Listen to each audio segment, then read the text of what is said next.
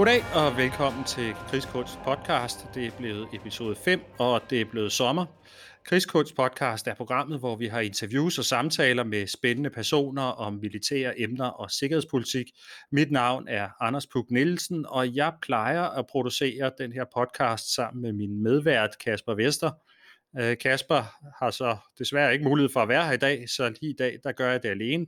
Men jeg er heldigvis ikke helt alene i studiet.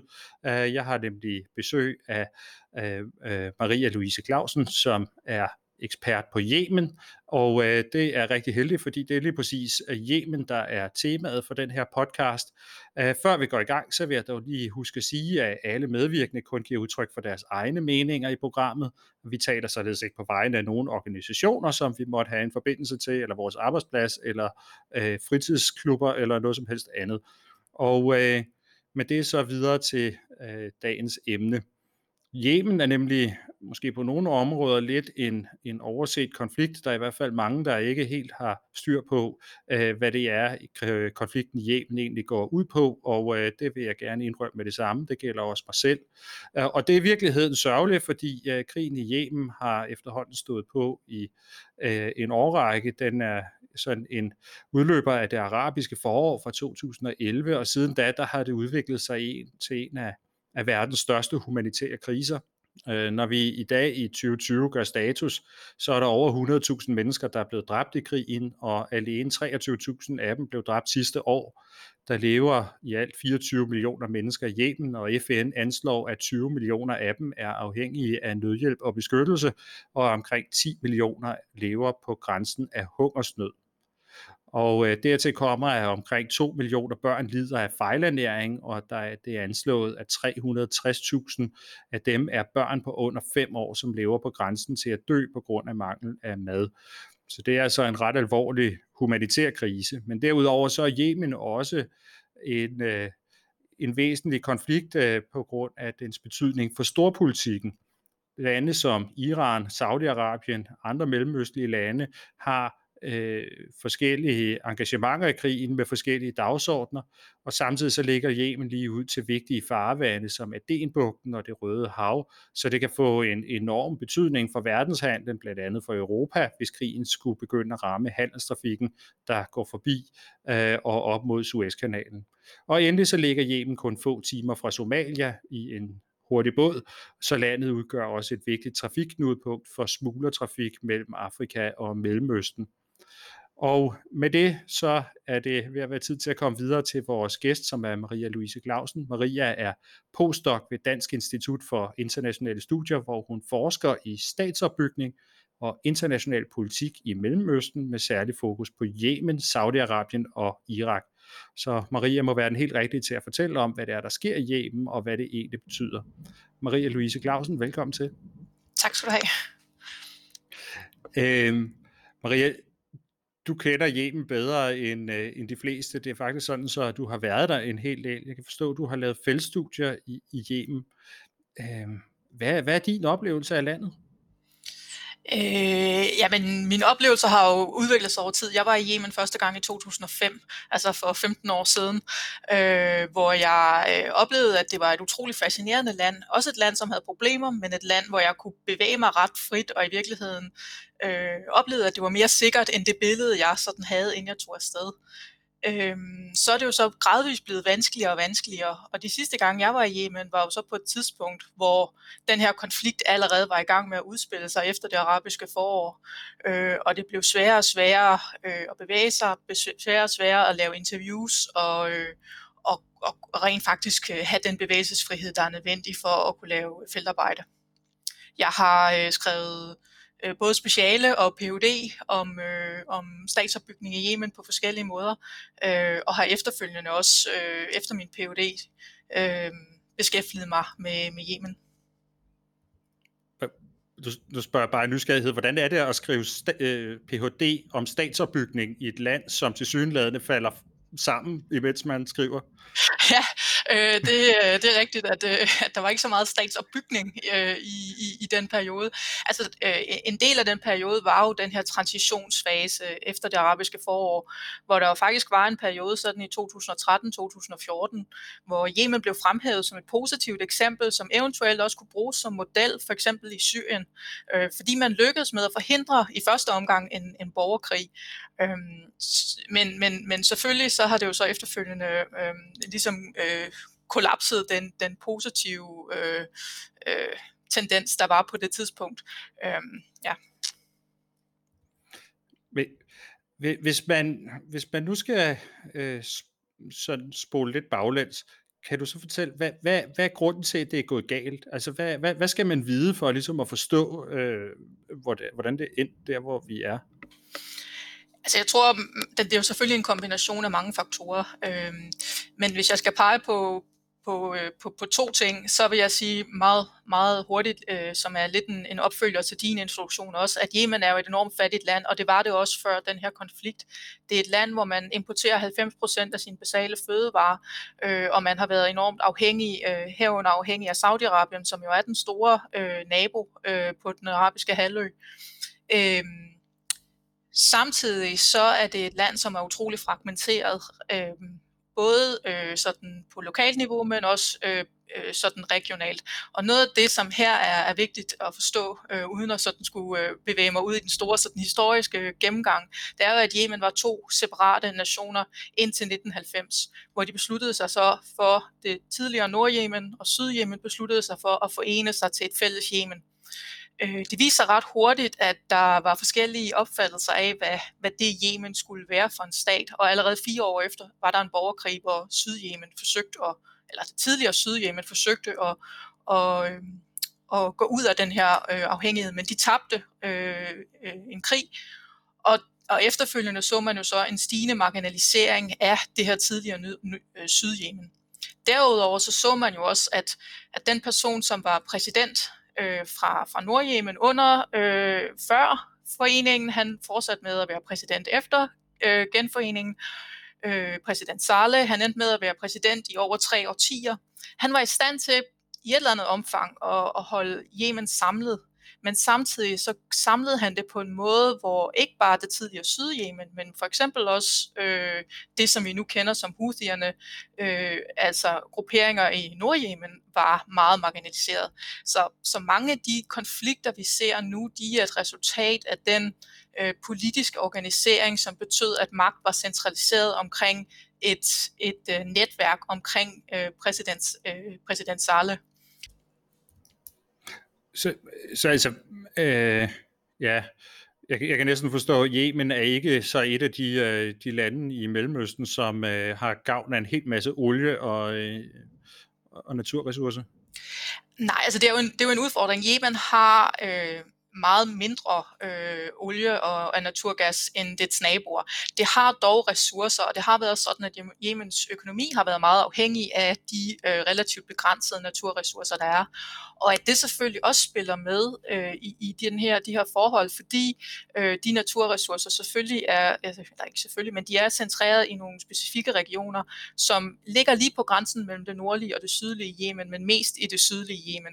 Det var en af grundene til, at man faktisk valgte at forene sig fordi øh, øh, man, man kunne se, at det kunne blive en problemstilling, at man ville slås om de her naturressourcer. Men det er jo så også noget, der har gjort efterfølgende, at man har oplevet, at de her naturressourcer, så begrænsede som de var, ikke blev fordelt ligeligt, men, men tværtimod øh, blev brugt til at understøtte det her netværk omkring præsidenten. Ja, men, men hvem er så de her forskellige parter, som er i øh, er aktive i den her øh, konflikt i dag? Altså jeg tror, det man, skal, det man skal huske, når man ser på Yemen, det er, at det er en konflikt med, med, med mange niveauer. Øh, og øh, vi, vi kommer til at tale øh, mere om det regionale niveau. Så, så hvis jeg her skal sådan fokusere på, på, din, på, de, øh, på parterne i Yemen, det, de nationale og de mere sådan regionale niveauer, så det, der har kendetegnet FN's tilgang til, til konflikten, har været at se det som en konflikt mellem den internationalt anerkendte og legitime præsident, præsident Hadi, og så øh, over for en iransk støttet illegitim milits, Houthierne, som med magt har taget kontrol over Yemen. Det har ligesom været udgangspunktet for, for, for fredsforhandlingerne, sådan lidt karikeret sagt. Ikke? Øhm, men det, og, og det er en ret unuanceret forståelse af konflikten, der reelt har været har også, øh, og det kan vi måske tale mere om, har gjort det vanskeligt at finde en løsning på konflikten. Øhm, fordi det ikke er en konflikt med to veldefinerede parter, hvor den ene repræsenterer det legitime, og den anden repræsenterer det illegitime det er jo sådan, at præsident Hadi, han har selvfølgelig styrker, som, som er lojale over for ham, og så som ser ham som den legitime repræsentant for den jemenitiske stat. Øhm, men mange af dem, der kæmper øh, sådan formelt set under ham, eller har kæmpet formelt set under ham, er i virkeligheden øh, forskellige grupperinger, som mest har det til fælles, at de ser Houthierne som en større trussel end øh, Hardy eller andre. Øhm, og det ser vi jo sådan mest åbenlyst i det, som er det tidligere Sydjemen, hvor, øh, hvor vi nu ser, at, øh, at styrker, der er lojale over for Hardy, øh, også kæmper øh, internt i den gruppering mod tropper, som øh, kæmper for et, et øh, uafhængigt Sydjemen det, som hedder Southern Transitional Council, og har fået øh, et øh, er lykkedes med at etablere sig som en organisation, der i høj grad repræsenterer de styrker og de aktører i det sydlige Yemen, som ønsker uafhængighed. Det man så skal huske, det er, at under det er der endnu et lag, hvor de her Southern Transitional Council langt fra repræsenterer alle, der ønsker uafhængighed, eller alle aktører i det sydlige Yemen. Øhm, der er øh, meget stærke stammeaktører i Yemen, som spiller en ret stor rolle øh, i konflikten på, på lokalt niveau. Mange af de her kampe, de udspiller sig simpelthen helt ned på stammeniveau. Øh, så er der øh, Islah, som er den tidligere øh, politiske opposition, øh, som er, øh, som man kan forstå som det muslimske broderskab i Yemen, de har også styrker og tropper, militser, som er lojale over for dem. Øhm, og så er der øh, de tropper, som øh, fortsat er lojale over for den tidligere præsident Saleh, der blev slået ihjel i 2017. Men for eksempel hans nevø, Tarek Saleh, kæmper stadigvæk nu øh, formelt set på, øh, på præsident Hardis side, fordi han kæmper mod Houthierne. Øhm, så, så det er bare for at sige, at, at den, den koalition, eller hvad man nu vil kalde det, som formelt set hører under præsident Hadi, fordi de kæmper mod Houthierne, er en, er en, er en virkelig kompleks øh, grupperinger af mange forskellige typer af aktører. Og så bare lige for at gøre den færdig, altså Houthierne øh, dominerer det nordlige Yemen øh, og er en, en mere øh, øh, er en, en, en, en gruppering med større sådan ensartethed, men det er også sådan, at der er øh, interne fraktioner øh, i Houthierne, grupperinger, som øh, undervejs har, har kæmpet mod hinanden. Øh, der er også øh, stammer i, i øh, i det nordlige Yemen, det er særligt i det nordlige Yemen, at stammerne er stærke, hvor man kan stille spørgsmålstegn ved, hvorvidt de faktisk vil være øh, lojal over for Houthierne, hvis de så en mulighed, et alternativ til, til Houthiernes dominans i det nordlige Yemen. Og så endelig også øh, i det nordlige Yemen øh, fraktioner, som, øh, som ligesom stammer fra Sales øh, netværk, men er blevet tvunget eller, eller nu er lojale over for Houthierne. Men det, var det ikke også uh, Saleh, der så meget berømt gang sagde det at, at blive siddende ved, ved magten i Yemen, det handlede om at danse rundt på slangehoveder? Jo, han havde, øh, han er blevet citeret øh, meget berømt netop der, ikke? og det er jo, altså det er jo interessant, øh, om man vil. Øh, at præsident Saleh var præsident i 33 år, og har jo om nogen defineret det politiske landskab i Yemen. Hans familie, altså Tarek Saleh for eksempel, også andre aktører, hans netværk øh, eksisterer stadigvæk, er selvfølgelig svækket, Øh, han har jo navigeret i det her politiske landskab i årtier. Vi så det også, at en af grundene til, at Houthierne var i stand til at tage kontrol med den jemenitiske stat ret, øh, sådan ret nemt i, i 2014, var fordi, at præsident Saleh, som ellers havde bekæmpet Houthierne ganske, ganske voldsomt i, i løb, altså i, i det, som vi kalder øh, øh, Houthi, øh, altså seks, seks krige, som tog, fandt sted mellem 2004 til 2010, at han så faktisk i, der øh, i 2014 allierede sig med Houthierne for at kunne vende tilbage. Øh, og så var allieret med Houthierne indtil 2017, hvor han så forsøgte at, at separere sig og endte med at blive slået ihjel af Houthierne. Øh, så man kan sige, at Saleh har om nogen defineret det politiske landskab, men han til sidst endte han så også med at blive et offer for, øh, for den her dansen på, på slangehoveder. Mm. Hvad, hvad var øh, drømmen omkring det her, det, det, altså det der foregik i det arabiske forår øh, i, omkring Yemen, det jeg er ude efter her, det er, er der også en eller anden kraft i Yemen, som sådan ligesom øh, er demokratiserende og, og har nogle, Øh, nogle vestlige idealer omkring sig, eller, øh, øh, eller hvad, hvad var det i virkeligheden, der foregik der? Mm.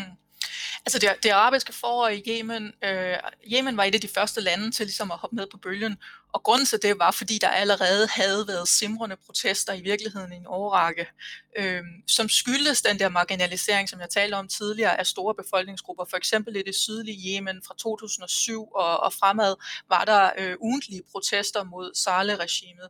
Det samme i det nordlige Yemen, altså den her Houthi-bevægelse, som havde udkæmpet øh, øh, krige eller konflikter mod Saleh-regimet. Så, så da der var den her øhm, øh, øh, da, da den her bølge øh, kom fra, fra Tunesien, var Yemen et af de første lande, der, øh, der, der kom med. Og det var drevet i høj grad af unge, af kvinder øh, og af, af andre aktører. Herunder Houthierne i øvrigt også, ikke, som ligesom lagde deres våben og, og gik ud og, og protesterede fredeligt øh, sammen med øh, aktører, som de i virkeligheden øh, havde haft årtiers øh, sådan politisk fjendskab med.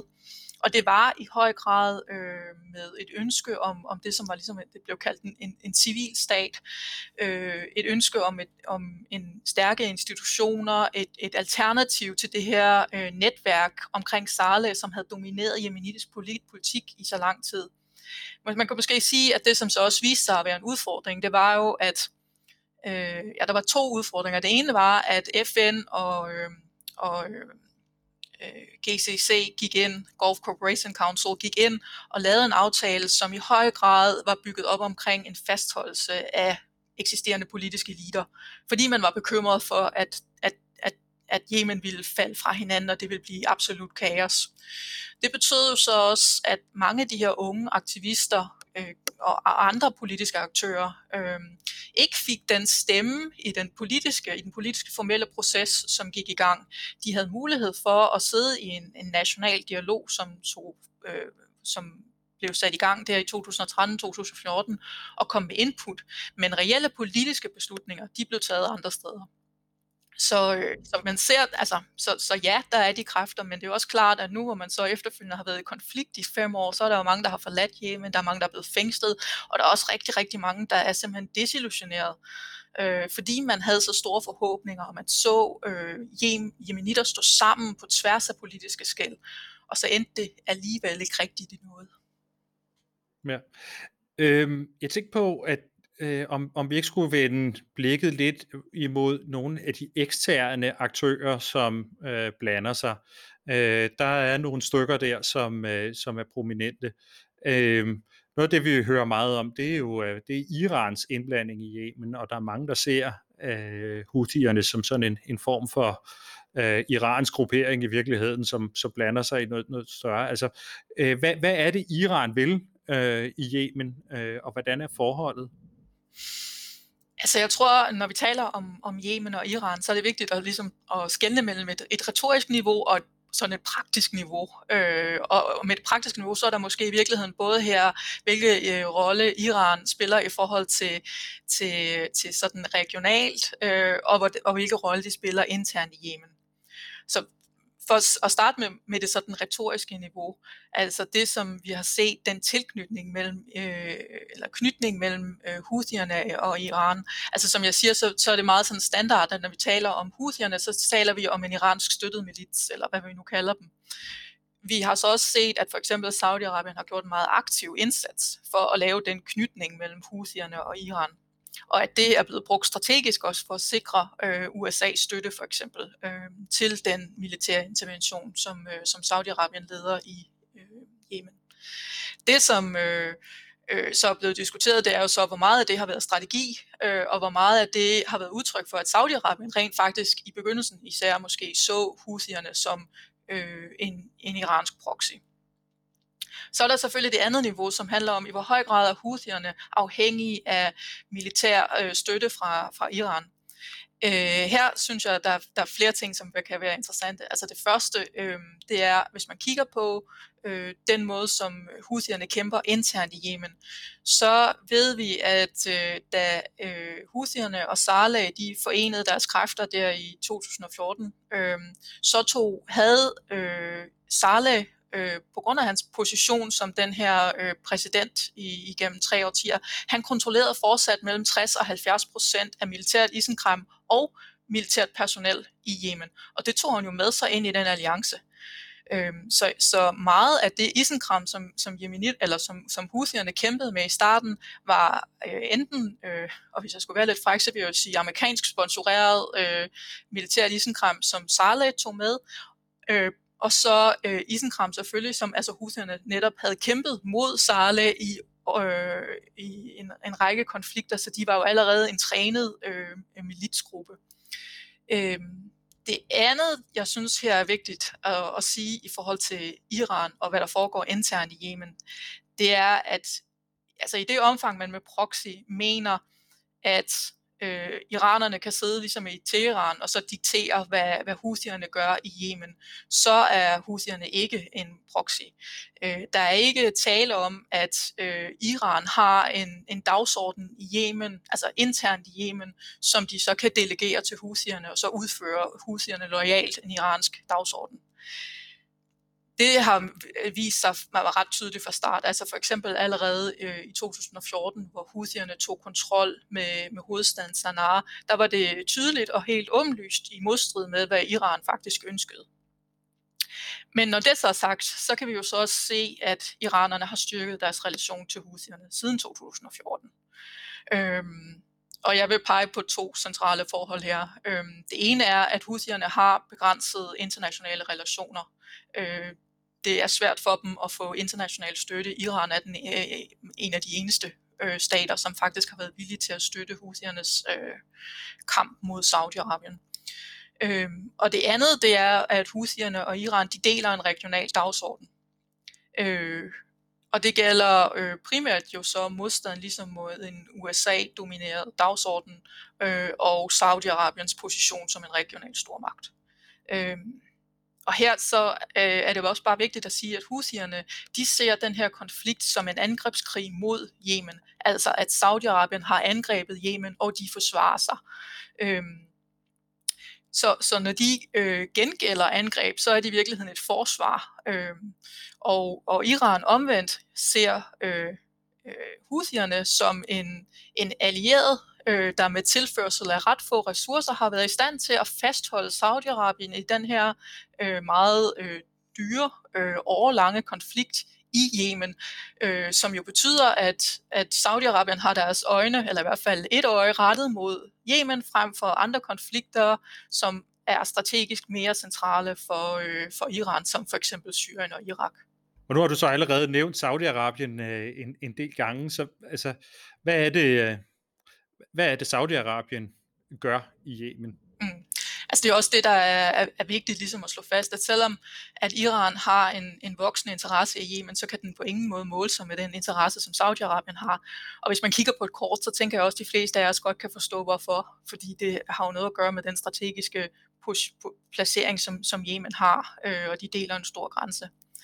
De oprindelige mål, da, da Saudi-Arabien gik ind i Yemen, det var jo en, en genansættelse af den internationalt anerkendte præsident Hadi, øh, som ligesom betød, at, øh, at husierne skulle overlevere tunge våben og trække sig ud af, af, af de områder, de har besat herunder hovedstaden Sanaa.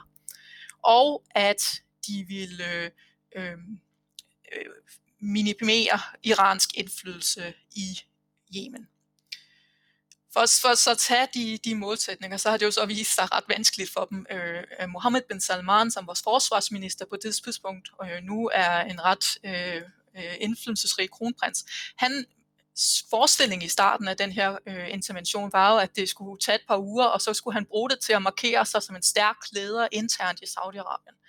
Det skete så ikke. En af grundene har jo været, at præsident Hadi har vist sig øh, at være relativt uegnet som, øh, som øh, leder af Yemen. Han har ikke den legitimitet, øh, der skal til. Øh, det er simpelthen svært øh, at se, hvem det var, øh, husierne skulle overlevere deres våben til, selv hvis de var parat til at, at, at gøre det. Øh, hans, øh, altså jo, og, og jo længere tid der er gået med den her konflikt, jo tydeligere er det også blevet, at præsident Hadi, han er ikke den person, der kan samle Yemen. Så nu er vi jo faktisk derhen, hvor, hvor kritikerne de siger, at præsident Hadi, han har i virkeligheden mere interesse i, at den her konflikt fortsætter, end at afslutte den. Fordi han også godt ved, at i det øjeblik, øh, der er en reel fredsaftale, jamen, så mister han sin politiske indflydelse øh, og, øh, og, og, og har ikke længere en rolle at spille. Øh, det andet øh, aspekt, altså det her med at mindske, eller hvad man nu vil underminere Irans indflydelse i Yemen, har også også vist sig øh, øh, problematisk, altså fordi Irans indflydelse om noget er vokset øh, i løbet af den her periode. Øh, så, så der har været tydelige signaler fra Saudi-Arabien om, at de i virkeligheden meget gerne vil afslutte den her intervention, men at de ligesom mangler en, øh, en, en exit-strategi, der kunne give dem en mulighed, og, og her måske især Mohammed bin Salman, en mulighed for at i talsætte øh, interventionen i Yemen som en, som en succes.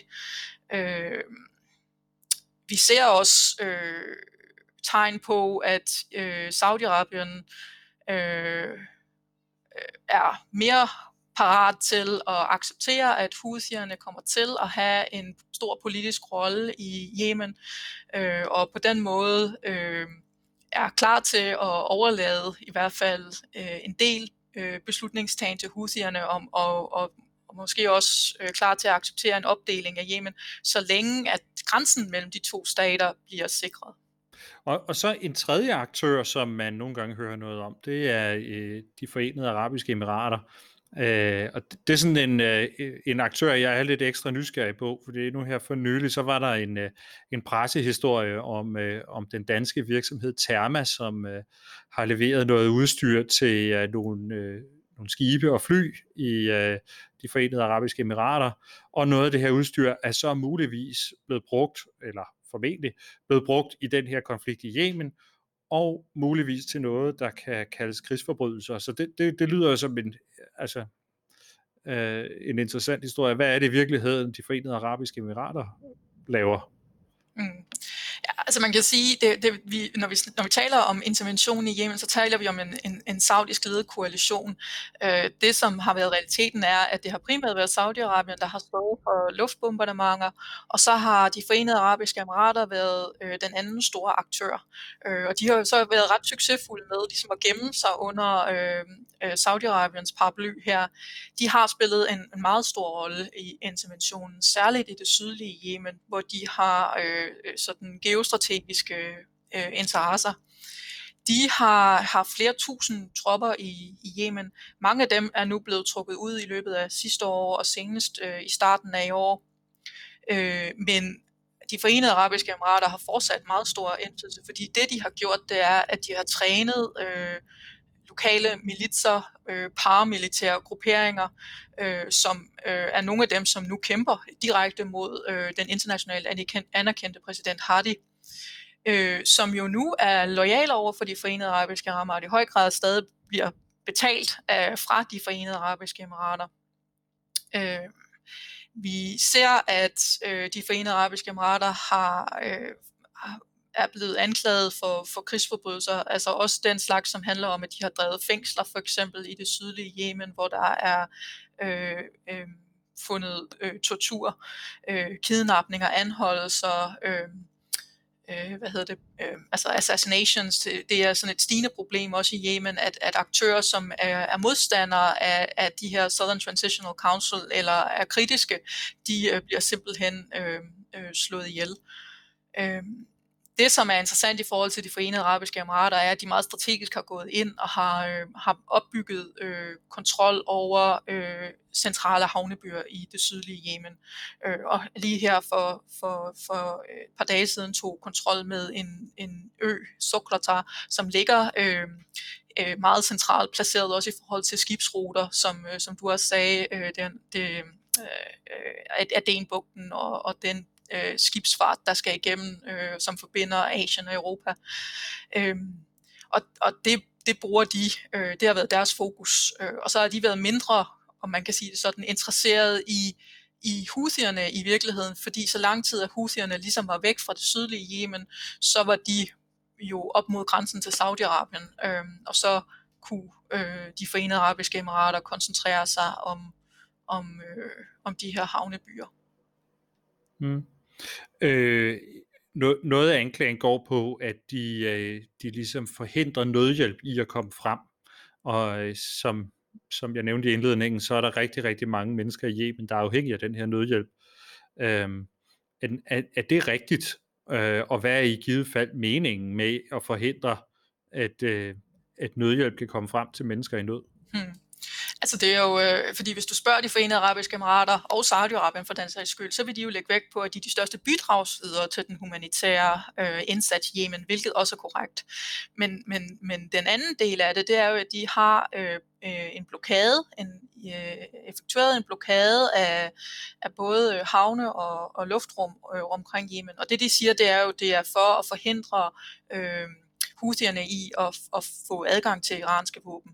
Men det det også betyder, det er jo, at øh, det blev utrolig vanskeligt at få øh, øh altså almindelige fødevarer, som jeg startede med at sige, øh, inden konflikten øh, importerede øh, Yemen også 90% af sin basisfødevarer.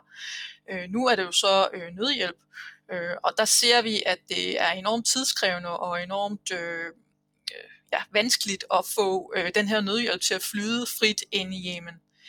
Den anden øh, i side af det igen er jo, at vi også ser, at øh, der er vedvarende anklager fra øh, øh, World Food Program og andre FN-aktører også, at Houthierne de øh, tager kontrol med den her nødhjælp og bruger den simpelthen som et, som et krigsvåben. Øh, og så, så altså, det er jo aldrig lige til, men der er ikke nogen tvivl om, at den blokade, som vi ser lige nu i Yemen, er øh, den primære årsag til den humanitære krise, vi ser.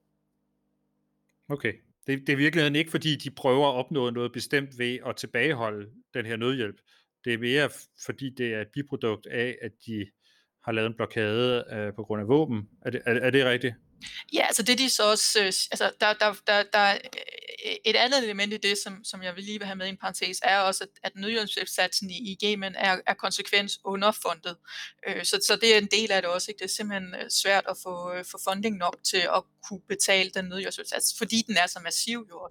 Øh, og Yemen er lidt en overset konflikt. Men, men, men, øh, men øh, øh, ja, det som er, øh, som er en udfordring er jo, at huserne kontrollerer øh, omkring 70 procent af Yemens befolkning, eller det territorium, som, som Houthierne kontrollerer, øh, har omkring 70 procent af Yemens befolkning. Og det er der, hvor vi ser den største humanitære krise. Så der har også været øh, anklager ude, og, og, og Saudi-Arabien og USA for den sags skyld har også været ude at sige, at de ønsker jo ikke at, at finansiere Houthiernes krigsindsats øh, fra deres perspektiv ved at give fri adgang til, til humanitær bistand, som betyder, at husierne kan fortsætte deres, øh, deres øh, krigsindsats i længere tid. Netop også fordi man ved, at husierne øh, øh, bruger øh, øh, den kontrol, de jo så får over den nødhjælp, der kommer ind i de områder, de kontrollerer, til at understøtte deres krigsindsats. Øh, så, så, så er et dilemma, men det er et dilemma, hvor, hvor man kan sige, at civile jemenitter, de bliver fanget øh, i den her kryds, krydspres. Ja, ja. ja. det var netop også det, jeg tænkte på, at nogle steder i, i de her konflikter, der går nødhjælp hen og ligesom bliver en ressource i sig selv, som man også kan, kan kæmpe om. Øh, og, og det er så også let tilfældet i Yemen. Ja, men det er det, det, er det ja. ja, ja. En, en øh, ting, jeg også gerne lige vil ind på, det, det er det her spørgsmål om øh, er der en risiko for skibstrafikken, eller så det, det, det, er der en maritim dimension på det her? Du nævner, at de forenede arabiske emirater har gjort meget for at, at prøve ligesom at sætte sig tungt på havnebyerne, øh, kystlinjen, øh, øh, og øh, jeg går ud fra, at det er ned mod Adenbugten primært. Øh, altså, hvor stor er den her risiko for at øh, der lige pludselig kommer en, øh, en maritim dimension af det her, der kan begynde at, øh, at påvirke handelstrafikken, og i virkeligheden jo så gå ud over os. Og grunden til, at jeg spørger til det, det er fordi, det er sådan en af, så nu er jeg jo i søværnet, og, og en af de uh, sådan, øh, øh, store frygter, jeg godt kunne have, det var, at, øh, at vi lige pludselig øh, skal til at forholde os til en eller anden maritim sikkerhedsoperation nede i Adenbugten, og måske endda også Rødehavet, samtidig med, at vi også øh, har en kørende op i Hormuzstrædet, og så kan jeg godt sidde og tælle på, øh, tælle, tælle på, på ressourcer og sige, så, så løber vi tør for skibe. Så, så det er sådan et, et, et, et spørgsmål i den retning også, at, at det er en risiko, der, der, der er noget ved, eller hvad? Mm. Altså som, som, som du siger, så er der jo helt klart den her igen kamp om, om, om narrativer, fordi der er jo øh, bestemt aktører i området, der godt ved, at det er en frygt, som øh, øh, Danmark og andre øh, allierede sidder med, at man bliver øh, trukket ind i, øh, i konflikten på den her måde. Så derfor, øh, der har jo været, øh, der har jo været øh, sådan øh, jævnlige anklager øh, mod Houthierne og øh, Iran, at de, øh, at de øh, sponsorerer terroristangreb, som øh, er, er rettet mod skibsfarten i området. Det er jo også et område, som du ved bedre end jeg, som er så øh, øh, et notorisk problematisk område på grund af pirater og, og andre forhold. Øh, der er helt sikkert også simpelthen spoilers, som er øh, interesseret i, at konflikten fortsætter og eskalerer. Øh, jeg vil sige, i forhold til husierne, så ser vi jo øh, at for eksempel som vi så øh, på, øh, på, på de saudiske oliefaciliteter øh, Aramco-angrebet i september 2019, at, at Houthierne vil typisk tage ansvar for de angreb, som, som kommer, fordi det tjener deres sag og, og positionerer sig selv som en aktør, der er i stand til at angribe. Og hvis de er i stand til at sådan obstruere, obstruere øh, international handel, så vil det være en, en fjer i hatten for dem. Så, så, så der er en lidt sandsynlighed for, at hvis Houthierne sådan officielt står bag, så vil de også tage ansvar for det. Øhm, det er jo vanskeligt at sige, øh, men, men, men som du også ved, ikke, vi har Bab al-Mandab, som er et meget øh, snævert øh, stræde, øh, hvor, hvor Yemen øh, sidder på den ene halvdel, og på et tidspunkt var husierne, øh, så de stod øh, ligesom og bankede på døren, og det er klart, at hvis de ligesom tog kontrol med, med det her stræde, så er det jo heller ikke utænkeligt, at de ville bruge det strategisk, øh, eller som en forhandlingschip, fordi de ved, at, øh, at det kunne have betydning for, for verdenshandel. Så øh, det er et område, man skal være opmærksom på, vil jeg sige, men jeg tror også, man skal, man skal slå lidt koldt vand i blodet, og så forsøge at undgå at blive fanget i de her øh, sådan retoriske kampe, som, som foregår, og at nogle aktører øh, herunder til dels øh, koalitionsmedlemmer, men også den jemenitiske regering, har interesse i at, øh, at, at, at i talsæt ting, der sker som terrorangreb, og forsøge at trække øh, vestlige allierede ind i konflikten. Mm. Øhm, hvis vi nu her til sidst så skal, skal se lidt på, hvad, hvad er fremtidsperspektiverne? Hvordan, øh, hvordan får vi løst det her? ja, øh, det har jeg selvfølgelig lige svaret på.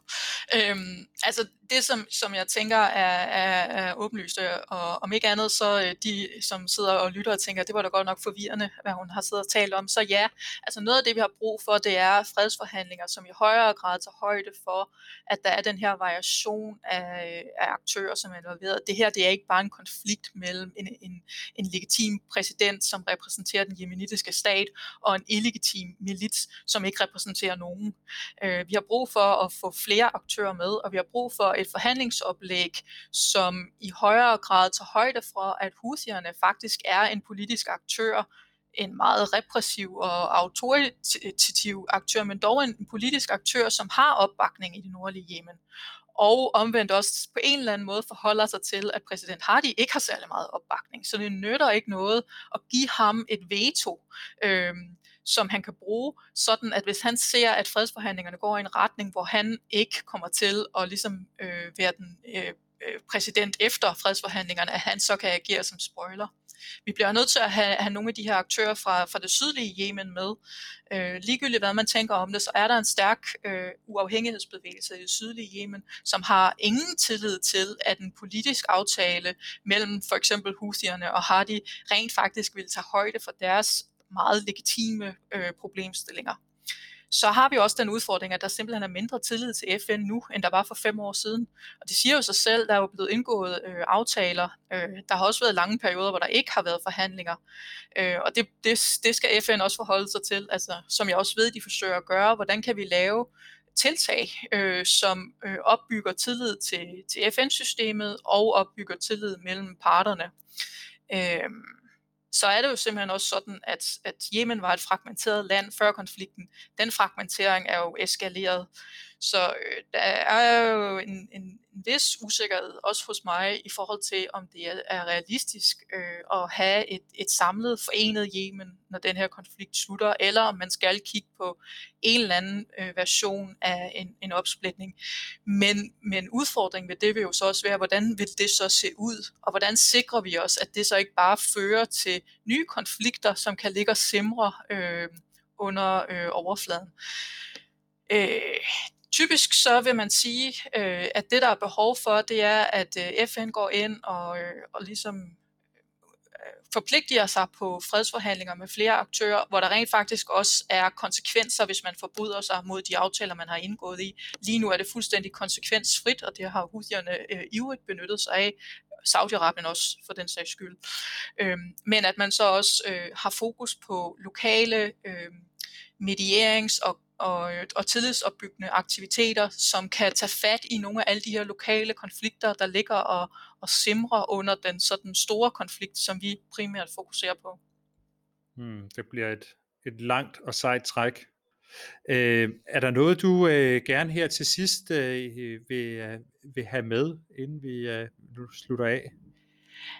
Nej, altså jeg, jeg synes jo, at jeg vil gerne lige holde fast i at sige, at som en, der har, har været i Yemen og har været meget glad for at være der, så taler vi selvfølgelig om, om Yemen nu, fordi det er, øh, hvad FN kalder verdens største øh, humanitære krise. Det er et land, som, øh, som er i, i krig. Men jeg vil også gerne have, at vi, vi husker, at, øh, at Yemen er et, et land med mennesker, som, øh, som faktisk er i stand til at overleve fem års konflikt og blokade, øh, er enormt ressourcestærke på mange måder. Øh, øh, som min øh, en god ven, som, som bor i Sanaa, siger, så er Yemen Sanaa lige nu, det er verdens grønneste hovedstad, fordi der har ikke været el i over fem år, så nu er det, øh, så nu er det hvad hedder det, solceller. Altså, det viser bare, at man kan rigtig meget, og, og bare for igen at understrege, at hvis man skal finde en, en løsning på den her konflikt, så bliver vi simpelthen nødt til at, øh, at for det første blive enige om, at, og, og at eksterne aktører må holde op med at, at blande sig, men, men også at eksterne aktører jo kommer til at stå med en enorm rolle i forhold til genopbygning.